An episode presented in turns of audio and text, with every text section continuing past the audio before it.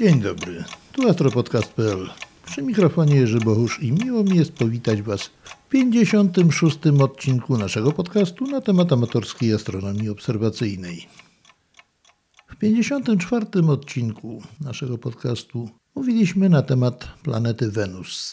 Dzisiaj jeszcze chciałbym takie dodać małe uzupełnienie do tamtej audycji, ponieważ Wenus, podobnie jak Merkury, będąc planetą wewnętrzną, dokonuje tranzytu, czyli przejścia przed tarczą słoneczną.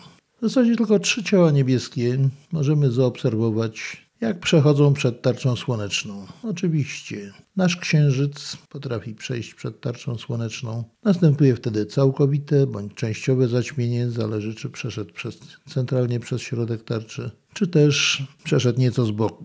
Oczywiście Wenus i Merkury jako planety wewnętrzne też mogą przejść przed tarczą słoneczną i będzie to obserwowalne. I to są w zasadzie jedyne trzy ciała niebieskie, które potrafią nam pokazać się na tle tarczy słonecznej. Oczywiście tranzytu dokonują również planetoidy, komety, ale są to ciała tak małe, że praktycznie, szczególnie już dla nas amatorów, są po prostu nieobserwowalne. Przykładowo, w 1910 roku przed tarczą Słońca przeszła kometa Haleja. Mimo usilnych starań nie zauważono nic. Tak samo w ostatnich czasach, jak i dawniejszych. Kilka komet przeszło przed tarczą słoneczną. Mimo usilnych obserwacji, mimo usilnych starań i starannych przygotowań do obserwacji, astronomowie nie zauważyli nic, żadnego jądra kometarnego. Tak samo jest z planetoidami. Jeszcze nie słyszałem, że ktoś widział, zaobserwował przejście planetoidy na tle tarczy słonecznej, czyli tranzyt. Także mamy tylko te trzy ciała niebieskie do dyspozycji, a spośród planet tylko Wenus i Merkury mogą dokonać tranzytu na tle tarczy słonecznej i być na niej widoczne jako planety wewnętrzne. Pozostałe planety, będące na zewnątrz, nigdy nie pokażą się nam na tle tarczy słonecznej. O ile przejścia Merkurego są dosyć częstym zjawiskiem, jeżeli są dosyć blisko Słońca, porusza się najszybciej ze wszystkich planet, także jego przejścia są dosyć często obserwowalne. O tyle przejścia Wenus są zjawiskiem naprawdę skrajnie rzadkim. Praktycznie dokonuje się to raz na ponad stulecie. Dlaczego tak się dzieje? Gdyby płaszczyzna orbity Wenus pokrywała się z płaszczyzną ekliptyki, z każdym złączeniem dolnym moglibyśmy zaobserwować tranzyt Wenus na tle tarczy Słońca.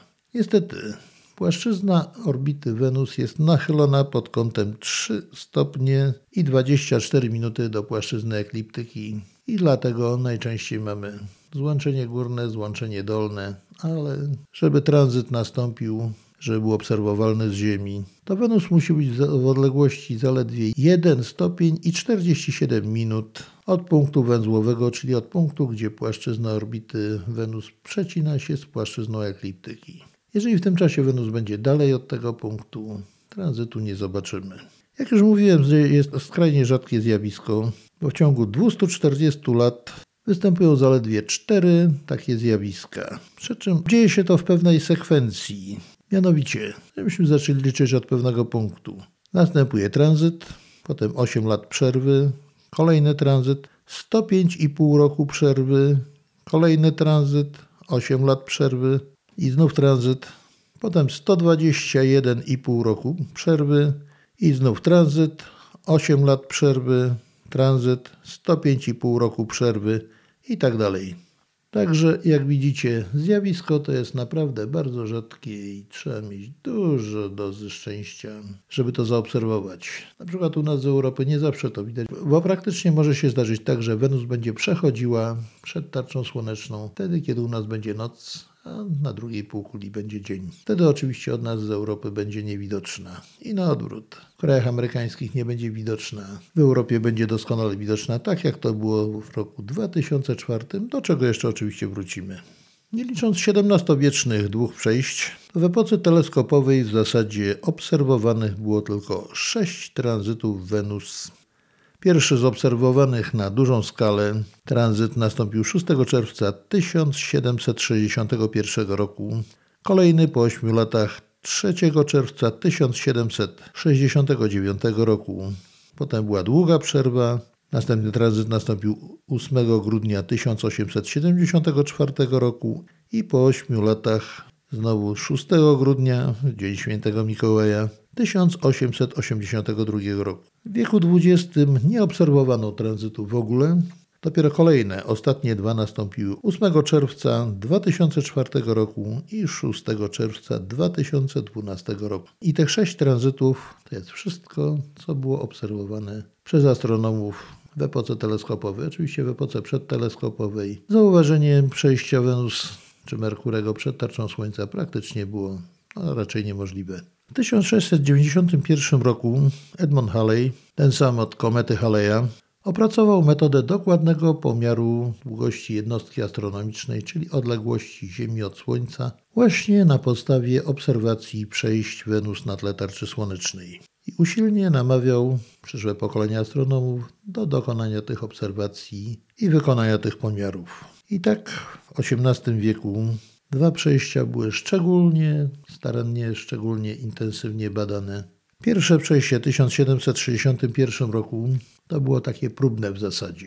Poza tym te przejścia były widoczne nie całkowicie w Europie, część było, czasami było tylko częściowo widoczne. Dlatego zarówno Towarzystwo Królewskie, jak i Francuska Akademia Nauk i Hiszpanie porozwozili swoich obserwatorów po różnych częściach świata, po swoich koloniach, żeby tam mogli obserwować, bo się okazuje, że zgodnie z zasadą Haleya i większa liczba obserwatorów obserwowała to zjawisko, zwłaszcza z różnych, oddalonych od siebie bardzo miejsc, tym dokładniej niby można było wyznaczyć długość jednostki astronomicznej. Trzeba wziąć pod uwagę jedno, że wtedy dalekie podróże były jedynie możliwe drogą morską, najsprawniej się odbywały, ale że to wszystko się odbywało na drewnianych żaglowcach. Podróże takie były po prostu długie, uciążliwe i co tu dużo mówić, często niebezpieczne.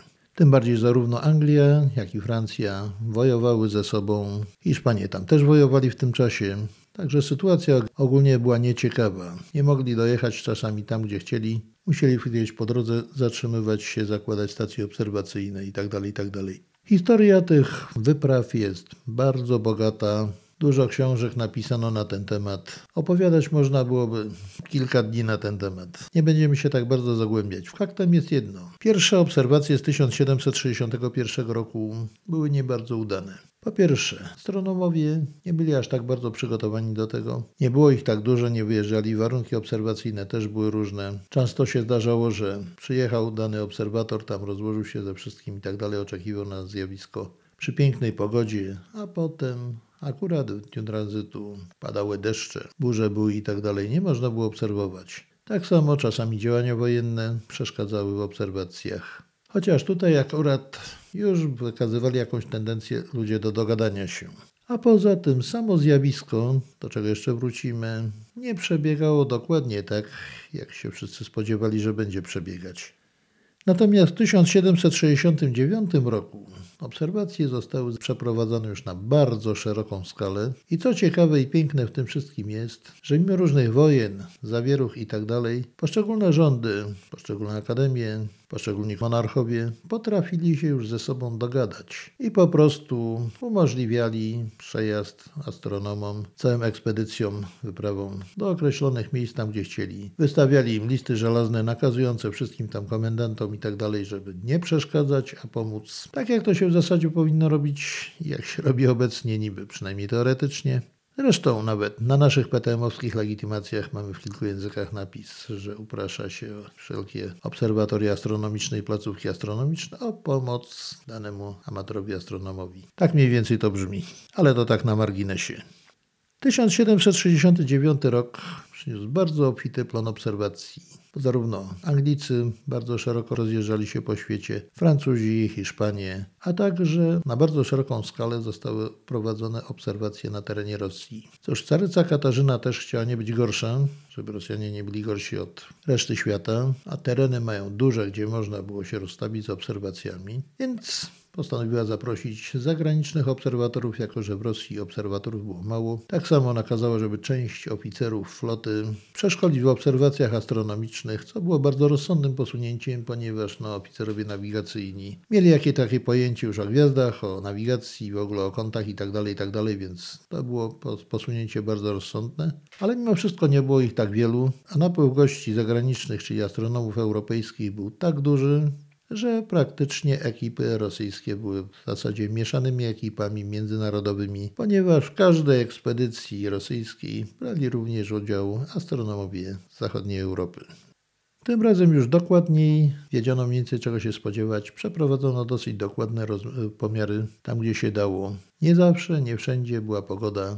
Nie zawsze, nie wszędzie udało się dokonać porządnych obserwacji. Jako przykład można podać jedną rzecz, że jeden z obserwatorów angielskich, który wyjechał w 1761 roku gdzieś daleko w świat na, do Azji, albo jeszcze dalej, i w tym czasie miał być tranzyt, nie było pogody, zdecydował się zostać do następnego tranzytu, czyli na 8 lat w tamtym miejscu. Jak to bywa w astronomii? Miał samozaparcia dużo, to jednak 8 lat to jest kawał życia. Gdzieś tam daleko, daleko od domu, w zupełnie obcym kraju, w zupełnie obcej kulturze. Doczekał do roku 1769 i co się okazało? Znowu miał pecha. Znowu nie było pogody. Po 10 latach w sumie wrócił do domu. Można powiedzieć, że miał człowiek pecha, nie zrobił żadnych obserwacji, przesiedział tam bezpotrzebnie. Otóż nie, ponieważ zarówno on, jak i wszyscy inni uczestnicy tych wypraw, oprócz obserwacji, dokonywali także również innych obserwacji geograficznych, etnograficznych, zjawisk meteorologicznych, dokonywali odkryć geograficznych itd. Tak itd. Tak Te wszystkie wyprawy były połączone jednocześnie, nastawione na to, żeby dokonać obserwacji astronomicznych. Przy okazji, jako że wtedy nie było GPS-a, nie było map Google'a, więc pierwszą rzeczą każdy obserwator, który gdzieś tam rozstawiał się na obserwację, musiał wyznaczyć dokładnie swoje położenie geograficzne, swoją pozycję. Oczywiście to się robiło metodami astronomicznymi.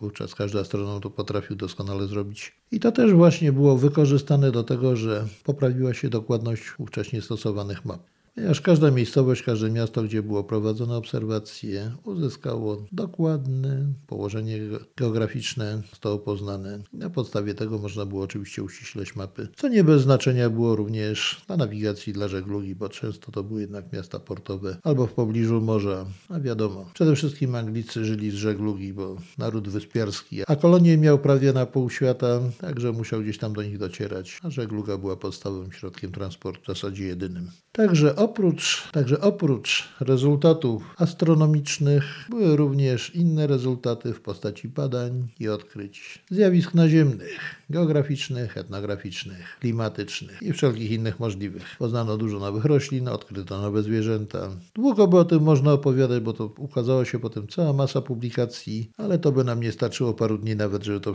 o tym wszystkim omówić, a poza tym no troszeczkę odbiegam już od tematu. Następne obserwacje w XIX wieku już były prowadzone bardziej rutynowo, nowocześniejszymi metodami, nowocześniejszym sprzętem, ale troszeczkę tak, że tak powiem, przeszły bez echa. Najbardziej jednak te XVIII-wieczne się wydatniły jako właśnie pierwsza porządna międzynarodowa współpraca w dziedzinie astronomii.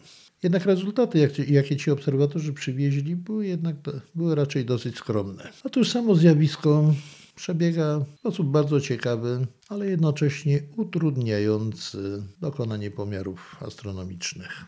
Jak to wygląda? Ano najważniejsze są momenty kontaktu. Rozróżniam ich cztery. Pierwszy kontakt, tak zwany, czy jest moment, kiedy krawędź planety zetknie się z krawędzią Słońca od zewnątrz. Drugi kontakt następuje wtedy, kiedy krawędź planety już na tle tarczy słonecznej zetknie się z krawędzią Słońca. I potem dalej przechodzi przez tarczę słoneczną. Trzeci kontakt następuje wtedy, kiedy brzeg tarczy planety zetknie się od wewnątrz, jeszcze na tle Słońca, z krawędzią tarczy słonecznej. I czwarty kontakt w momencie, kiedy planeta, tak powiem, odklei się od tarczy słonecznej. Aha, poznajcie mruczka odzywa się właśnie. Piękny, wspaniały okaz czarnego kota. Bardzo sympatyczny i bardzo towarzyski. I od razu uprzedzając wasze pytanie. Nie, nie przynosi pecha. A właśnie. Ruczek, cicho bądź. Dobra, niech se miałczy. Jak to wygląda w praktyce, takie przejście? Otóż na początku pojawia się niewielkie wgłębienie na krawędzi tarczy Słońca.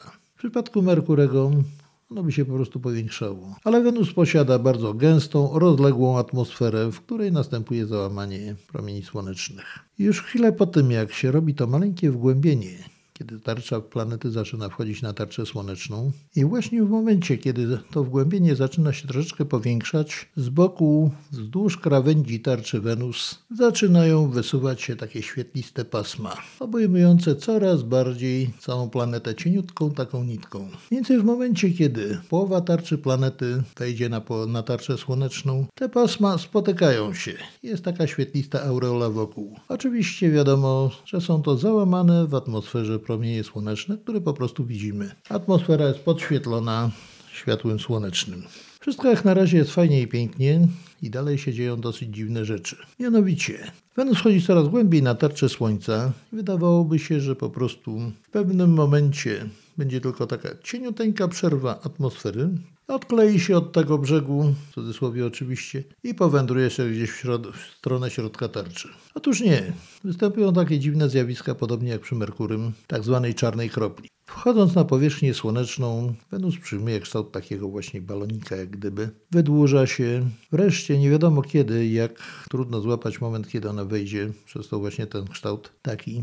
Gdzieś tam się zaczyna się już zamykać za Wenus. Ten taki wianuszek atmosferyczny, niby, niby za, za tą tarczą planety, ale sama planeta wydłuża się, przyjmuje taki kształt jajowaty tak jakby się nie chciało odkleić od tego brzegu tarczy słonecznej. Potem im bardziej oczywiście się odsuwa, tym bardziej staje się okrągła, a wreszcie już tam w niewielkiej odległości od krawędzi słonecznej przyjmuje już kształt okrągły. Tylko problemem jest jedno, kiedy ten drugi kontakt nastąpił. Nie można określić dokładnie. Po prostu jest to praktycznie niewykonalne, zwłaszcza metodami wizualnymi. Może gdyby to szybko sfilmować, czy jakoś tak, chociaż naprawdę trudno powiedzieć. Za chwilę jeszcze dojdziemy do tego, bo sam to widziałem, to dosyć dziwne wrażenie to robi. Tak samo potem na odwrót zaczyna być. I teraz tak. Dlaczego tak się dzieje? Najprawdopodobniej spowodowane to jest zjawiskiem tzw. Tak irradiacji spowodowanej dużym kontrastem między jasną powierzchnią tarczy słonecznej i czarną, praktycznie nieoświetloną półkulą, którą w danej chwili właśnie obserwujemy. Z tym, że sam mechanizm tego zjawiska i przebieg, znaczy przebieg jest znany, ale sam mechanizm powstawania tego zjawiska w zasadzie po dziś dzień do końca nie jest wyjaśniony. Istnieje szereg hipotez, ale chyba nikt do końca tak naprawdę nie wie, dlaczego to się dzieje. Oczywiście są to tylko efekty optyczne, ponieważ z punktu widzenia fizycznego nic się nie dzieje. Wenus z daleka sobie obiega Słońce tak jak przed miliardy lat. Nic tam w zasadzie się nie dzieje ani przed, ani po. To tylko my widzimy ją na tle tarczy słonecznej i widzimy takie zjawiska. Więc to, co się dzieje, to się dzieje w naszych teleskopach, w naszych oczach, w naszym umyśle. Natomiast nie dzieje się to oczywiście fizycznie na planecie. Ale dlaczego tak jest dokładnie? Tego chyba do końca nikt naprawdę nie wie. Dalej, w dawnych czasach obserwatorzy obserwowali takie dziwne zjawiska też jako, jako aureole wokół planety Wenus. Albo jasną, jaśniejszą niż, niż powierzchnia Słońca i to dosyć dużą, albo taką szarawą, ciemniejszą. Tak samo różne kolory czasami obserwowano. Obserwowano również jasne plamy w tym czasie na powierzchni Wenus, których naturę dosyć trudno jest wyjaśnić. Gdyby one były widoczne centralnie, no to można byłoby jakieś zjawiska dyfrakcyjne i tak dalej w to wciągnąć. Ale czasami nie, nie, nie były widoczne centralnie albo gdzieś z boku, czy również jako podwójne plamy takie. Dlaczego? Trudno powiedzieć. W tej chwili zjawisko to, to jeszcze praktycznie nie jest zbadane. Są tylko hipotezy na ten temat, różne teorie Prawdopodobnie były to błędy instrumentalne, ale naprawdę jak i dlaczego też do końca nikt nie potrafi tego wyjaśnić. Stuprocentowej pewności hipotezy, która by w 100% wyjaśniała to zjawisko. Jeszcze zapewne nie ma i chyba jeszcze bardzo, bardzo długo nie będzie. Te same zjawiska, tylko że na odwrót, dzieją się w momencie trzeciego i czwartego kontaktu. Wenus się wydłuża jak gdyby taka jajowata się staje, tym nazywa zjawiska czarnej kropli. Tym cieńszym końcem jaja gdzieś się dotyka do tarczy, przerywa się, że tak powiem, zewnętrzna krawędź słońca. Ciemnieje tak samo jak ciemne otoczenie, jedynie taka czasami tylko wąska niteczka światła jest, która wyskakuje coraz bardziej do połowy, od połowy mniej więcej położenia Wenus na tle tarczy Słońca na, na krawędzi słonecznej. Zaczyna już się przerywać, podświetlenie atmosfery coraz słabsze, ale jest aż do samego końca.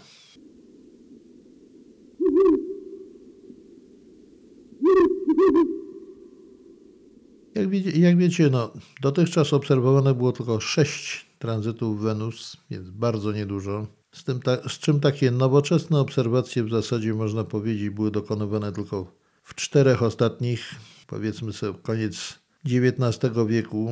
Instrumentaria były bogatsze, teleskopy lepsze, lepszej jakości, ale nie znalazłem nigdzie żadnych notatek na ten temat, co tam wtedy widziano i jak zaobserwowano.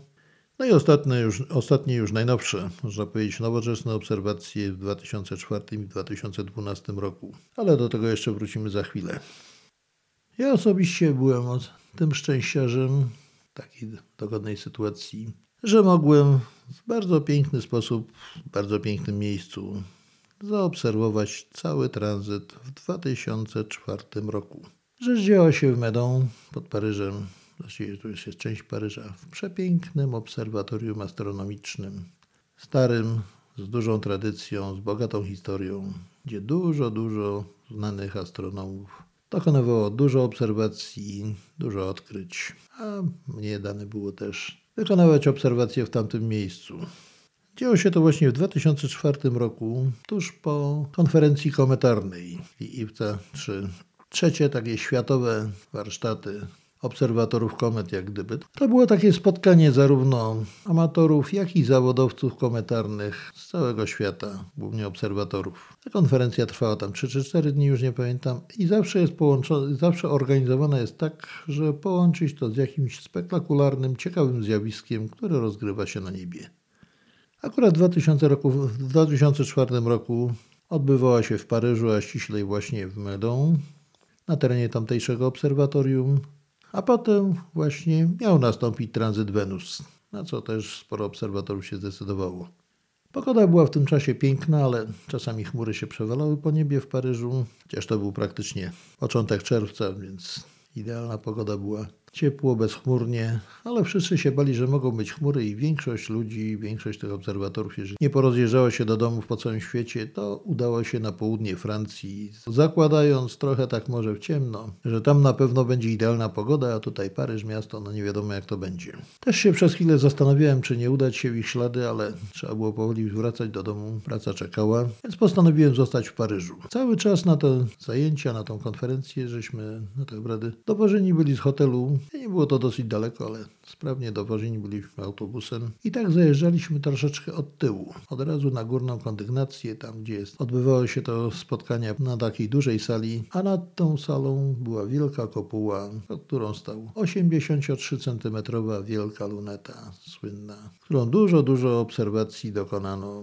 i to takich znaczących i dużo, dużo znanych obserwatorów, astronomów na niej pracowało. Oczywiście cały teren tego obserwatorium tam na górze przypominał troszeczkę taki park, bardzo pięknie utrzymany, alejki piękne i białe kopuły pawilonów z teleskopami. Między innymi duży teleskop Cassegrena o średnicy zwierciadła 1 metr i ogniskowej 22 metry. Niedaleko też był pawilon teleskopu słonecznego, też dużego. Piękna rzecz, codziennie tam prowadzone były obserwacje Jedną z bardzo fajnych rzeczy było to, że część wiązki światła z teleskopu była kierowana na taki ekran na ścianie i taki obraz o średnicy tak chyba 60-70 cm. Można było sobie na okrągło oglądać na żywo to, co się dzieje na Słońcu czy na tle tarczy Słońca. To wszystko można było na tym ekranie sobie zobaczyć. Tak samo przepływające chmury, przelatujące ptaki, wszystko, co się działo przed teleskopem, wszystko, co się działo na Słońcu przed Słońcem było obserwowalne właśnie na tym ekranie. Oczywiście tam główna wiązka światła szła do jakichś tam detektorów, już pracowali tam już naukowcy.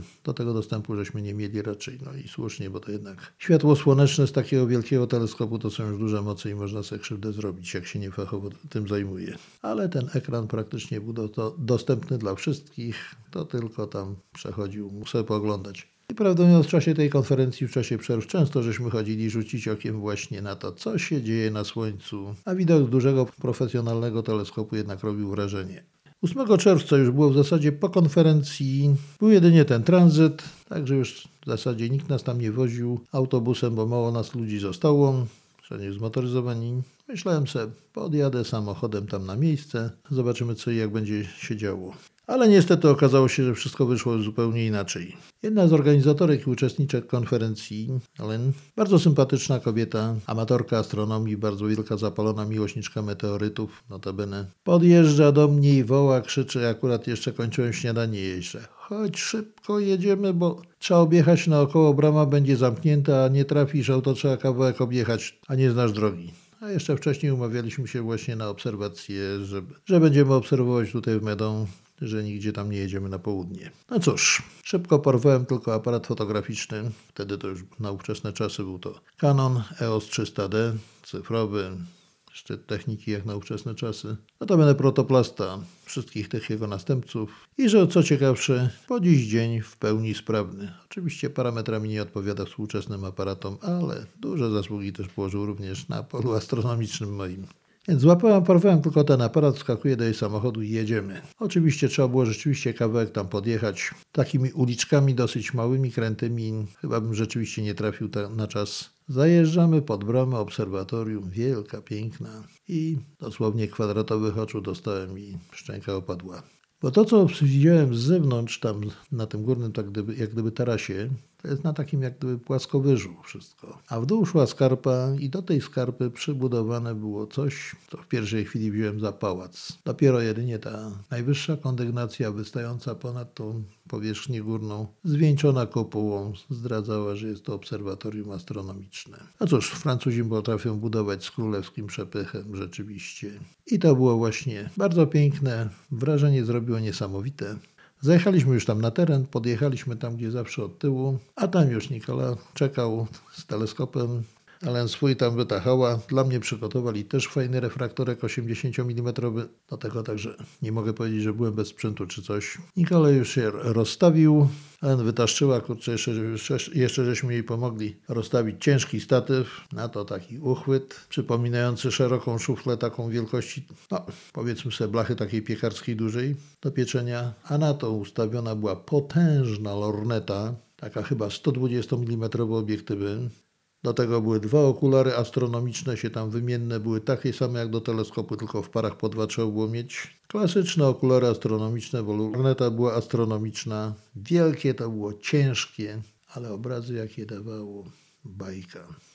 No Nicole miał 25 cm swoje, tylko bardzo podobny do mojego, który, został, który mam jeszcze po dziś dzień. Tylko, że jego był w kwadratowej obudowie, a mój w okrągłej. Ale reszta parametrami praktycznie się nie różniły.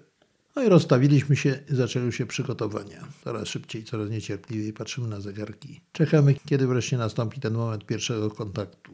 Otoczenie przepiękne. Zielona trawa, cień w pobliżu jakby było za gorąco. Wielka kopuła po prawej stronie, za drzewa widoczna. Z tyłu widoczne te pawilony mniejszych teleskopów. Po prostu czuć tą atmosferę historii i obserwatorium. A do tego bajecznie piękna pogoda. Błękitne niebo bez jednej chmurki, bez wiatru, seeing fantastyczny. Wymarzyć sobie nie można było lepszej. I wreszcie pojawił się pierwszy kontakt.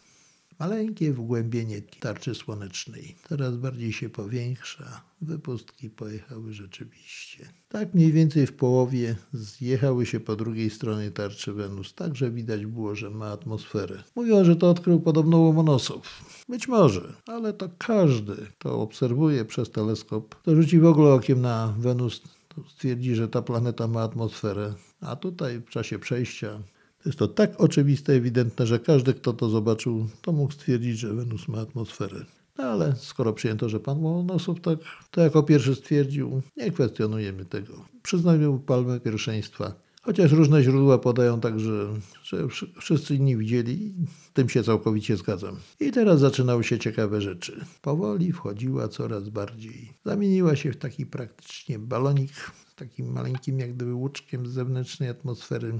Hmm. Potem coraz bardziej wchodziła, zrobiła się taka jajowata. Tu już niby się zamknęła cieniuteńka, taka niteczka jest za nią, ale wygląda tak, jakby z jednej strony ją coś ciągnęło tą większą część, a druga ta cieńsza się przykleiła i nie chciała odpuścić, tak się rozciągała. Ale wreszcie się odkleiła i szybko zaczęła przybierać kształt już okrągły, regularny, prawidłowy, taki jak ma. Jak wspominałem wcześniej, zjawisko piękne, widowiskowe, dla pomiarów obserwacyjnych bezużyteczne, ponieważ moment tego odklejenia się tej Wenus od tarczy słonecznej Kiedy go wyznaczyć? Kiedy, który przyjąć? Czy w momencie jak się zamyka, czy w momencie jak już odjeżdża? Tego nikt nie wie. Dlatego właśnie te rezultaty pomiarowe troszeczkę właśnie to zjawisko zawiodły nieco, także nie dało się aż tak dokładnie wyznaczyć tego, jak myślał Haley, ale tym niemniej wyznaczono w ten sposób, a potem jeszcze sprawdzono to innymi sposobami oczywiście. Także teraz dokładnie znamy, wiemy, że to jest w zaokrągleniu w górę 150 milionów kilometrów, a tak naprawdę odrobinę mniej. Oczywiście to jest średnia odległość Ziemi od Słońca, bo potrafi być w afelium dalej, a w peryhelium oczywiście trochę bliżej, ale niewiele, niewielkie są to różnice. I dalej sobie Wenus wędrowała już spokojnie, coraz bardziej oddalając się od krawędzi tarczy słonecznej i postępując coraz bardziej w głąb. Muszę powiedzieć szczerze, że nie zauważyłem żadnych zjawisk, o których wspominali dawni astronomowie, czyli jakiejś tam jasnej aureoli czy ciemnej wokół Wenus. Tak jak rok wcześniej miałem też szczęście, że mogłem obserwować przy idealnej pogodzie, tylko że w Brwinowie, z własnego balkonu, a potem z własnego podwórka, tranzyt Merkurego i też nie zauważyłem jakichś szczególnych zjawisk wokół tarczy Merkurego, ani jasnych, ani ciemnych aureol, ani jakichś plamek. Tak samo i tutaj. Nie zauważyłem, nic nie rzuciło się w oczy, żeby była jakaś jaśniejsza aureola, czy jakaś ciemniejsza aureola. Wyglądało to tak, jakby na białym tle tarczy Słońca była czarna, okrągła tarczka planety. Ale tak jak przy tranzycie Merkurego, ta tarczka wyglądała się, kojarzyła się z takim małym ziarenkiem pieprzu czarnym na tle tarczy słonecznej. Tak, tutaj kojarzyła się z tak czarnym, solidnym ziarnkiem grochu. Oczywiście Wenus była, jest zarówno o wiele większa niż Merkury, jak też jest znacznie bliżej, więc musiała być oczywiście dużo większa na, na tle tarczy Słońca. A poza tym obserwujemy Wenus w tym momencie jak najbardziej w nowiu całkowitym i obserwujemy w zasadzie z najmniejszej możliwej odległości praktycznie. Więc będzie to największa możliwa do zobaczenia wtedy tarcza planety, tylko że nie widzimy nic oprócz czarnej półkuli jest raz, że nieoświetlona, a dwa przez kontrast z bardzo jasnym tłem tarczy słonecznej. Oczywiście o żadnych detalach i tak dalej nie ma mowy. Tym bardziej, że nawet w normalnych warunkach jakiekolwiek detale na tarczy Wenus jest bardzo trudno zobaczyć, chociaż jest to oczywiście możliwe i wykonalne. Oczywiście im dalej planeta wchodziła w głąb tarczy, nic się praktycznie nie działo, no po prostu się przesuwała powoli, bo całe zjawisko trwało około 5 godzin, więc tylko nie patrzy się już na nią ciągle w napięciu takim jak przy pierwszym i drugim kontakcie, tylko się po prostu zerka co jakiś czas.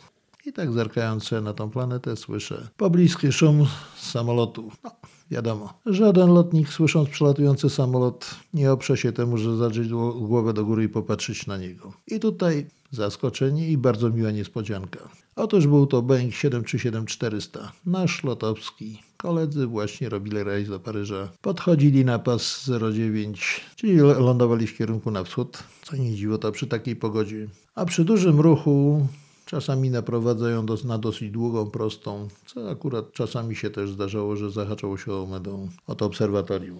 No cóż, nie wytrzymałem, pomachałem do nich.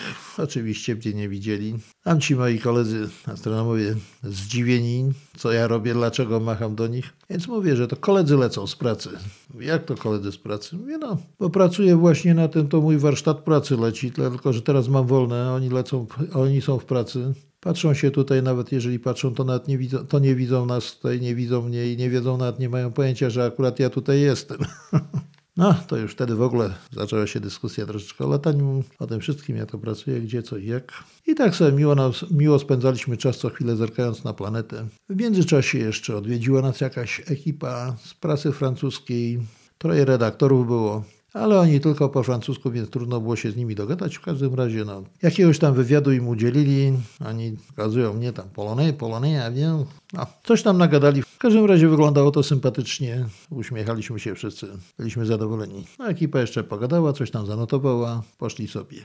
Za chwilę naszą koleżankę odwiedził jej znajomy, który się okazał geologiem. Geolodzy to taka dziwna nacja. Tak jak my, astronomowie, co chwilę spoglądamy do góry, spoglądamy na niebo, tak oni patrzą pod nogi. My poszukujemy, wypatrujemy ciał niebieskich, oni wypatrują skał. Tak samo ten zacny geolog. Tutaj niby rozmawia, niby tego, ale widać oczami gdzieś cały czas gania po ziemi, a ścieżka, taka alejka była wysypana takim, no, tłuczniem powiedzmy sobie, ale takim różno, różnokolorowym. W pewnym momencie przerwał, podszedł, schylił się, podniósł kawałek skały, taki okruch kamienia, jak gdyby obłupany, obciosany, czerwonawy. I zaczyna, patrzy na niego i zaczyna opowiadać o nim. Pokazuje, widać, że facet się zna, że trafił na coś ciekawego. No, nie jestem taki biegły w geologii, jeszcze je bariery językowe i tak dalej, ale pokazuje nam, mówi, zobacz, popatrzcie, powąchał, ten kamień pachnie. I pokazuje nam rzeczywiście, skała wydawała taki specyficzny zapach. On to już jakoś nazywał tą skałę, tylko nie pamiętam już w tej chwili, czy był nastawiony zupełnie na coś innego niż na geologię. Ale widać było, że zapalony geolog kochający swój fach, a jednocześnie znawca meteorytów, jak się potem okazało, i właśnie sprawy meteorytowe. Len często z nim konsultowała, często się radziła go. Tak samo dawała mu do przebadania jakieś coś, jak zna swoje znaleziska, które najczęściej okazywały się zwykłymi kamieniami, jak to zazwyczaj bywa. Ale w każdym razie tak to właśnie jest, nie tylko zresztą we Francji. Tak samo u nas znane są takie przypadki współpracy miłośników meteorytów z geologami. I tak chyba na całym świecie jest. W międzyczasie Wenus zbliżała się coraz bardziej do krawędzi Słońca po przeciwnej stronie. Coraz częściej żeśmy spoglądali, coraz uważniej, coraz niecierpliwiej, bo znowu zaczynały się ciekawe zjawiska. I znów zaczęła się lekko wydłużać, przybierać taki coraz bardziej jajowaty kształt. W stronę krawędzi wysuwał się. Wreszcie była taka cieniuteńka niteczka, która się wypuklała i rozeszły się te krawędzie jak gdyby. Trudno to opisać w tej chwili, to dobrze byłoby narysować, ale nie mam jak. I zaczęła się Wenus suwać. Tak gdzieś, jak już minęła połowę, swoją, połową swojej średnicy, krawędź słońca, ta jedwabna niteczka świecąca atmosfery zaczęła się robić coraz cieńsza, wreszcie pękła i te, ten taki jakby obwódka była coraz krótsza, coraz węższa, coraz bliżej tarczy słonecznej, co świadczyło o tym, że Wenus coraz bardziej schodzi. No i te wgłębienie takie było coraz mniejsze, aż wreszcie stopniowo zanikło. I na tym skończył się tranzyt Wenus. Powiem Wam szczerze, byliśmy zachwyceni, zadziwieni i bardzo, bardzo szczęśliwi. Byliśmy pod ogromnym wrażeniem, bo widowisko było naprawdę wspaniałe, bardzo rzadkie, a nam się udało je zaobserwować. Po prostu dokonaliśmy tego. To było coś pięknego, coś wspaniałego. Do tego jeszcze atmosfera obserwatorium, krajobraz, park. Całe poczucie historyczności tego miejsca i jego piękna. To było coś niesamowitego. Naprawdę warto było. A nam się to udało. Oczywiście, zwinęliśmy sobie już pomalutku cały sprzęt, pojechaliśmy, ale podwiozłem nie do hotelu, ale cały czas po drodze żeśmy tylko wymienili uwagi, ale przede wszystkim byliśmy pod ogromnym wrażeniem, że nam się to udało, że to było tak wspaniałe, tak piękne zjawisko, a myśmy je widzieli w całości, w tak idealnych warunkach, jakie tylko można sobie wymarzyć. A naprawdę było to coś pięknego, coś, czego widok pozostanie w oczach do końca życia. Wrażenie niesamowite.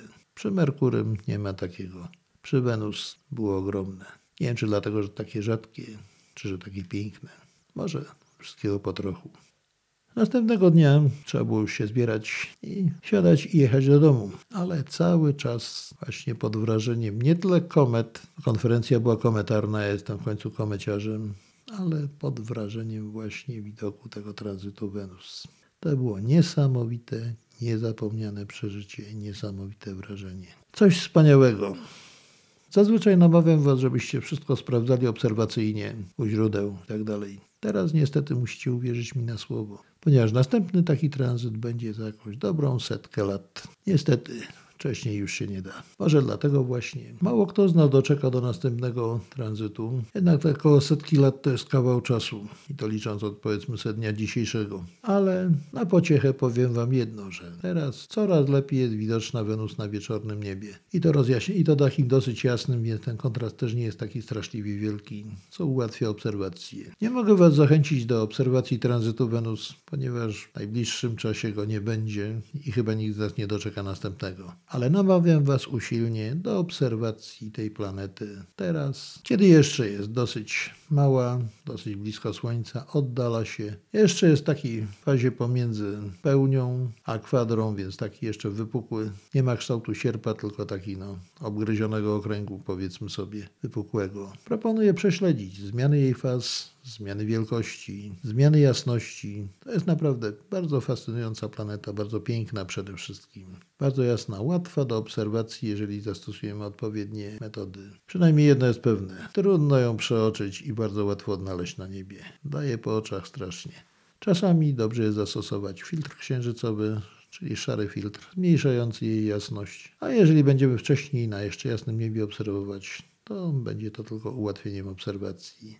I wszystkie te zjawiska, o których mówiłem w 54 odcinku, warto sobie obejrzeć, prześledzić, sprawdzić, czy one akurat wystąpią, czy nie, jak będą wyglądały. Do tego bardzo usilnie Was zachęcam i namawiam.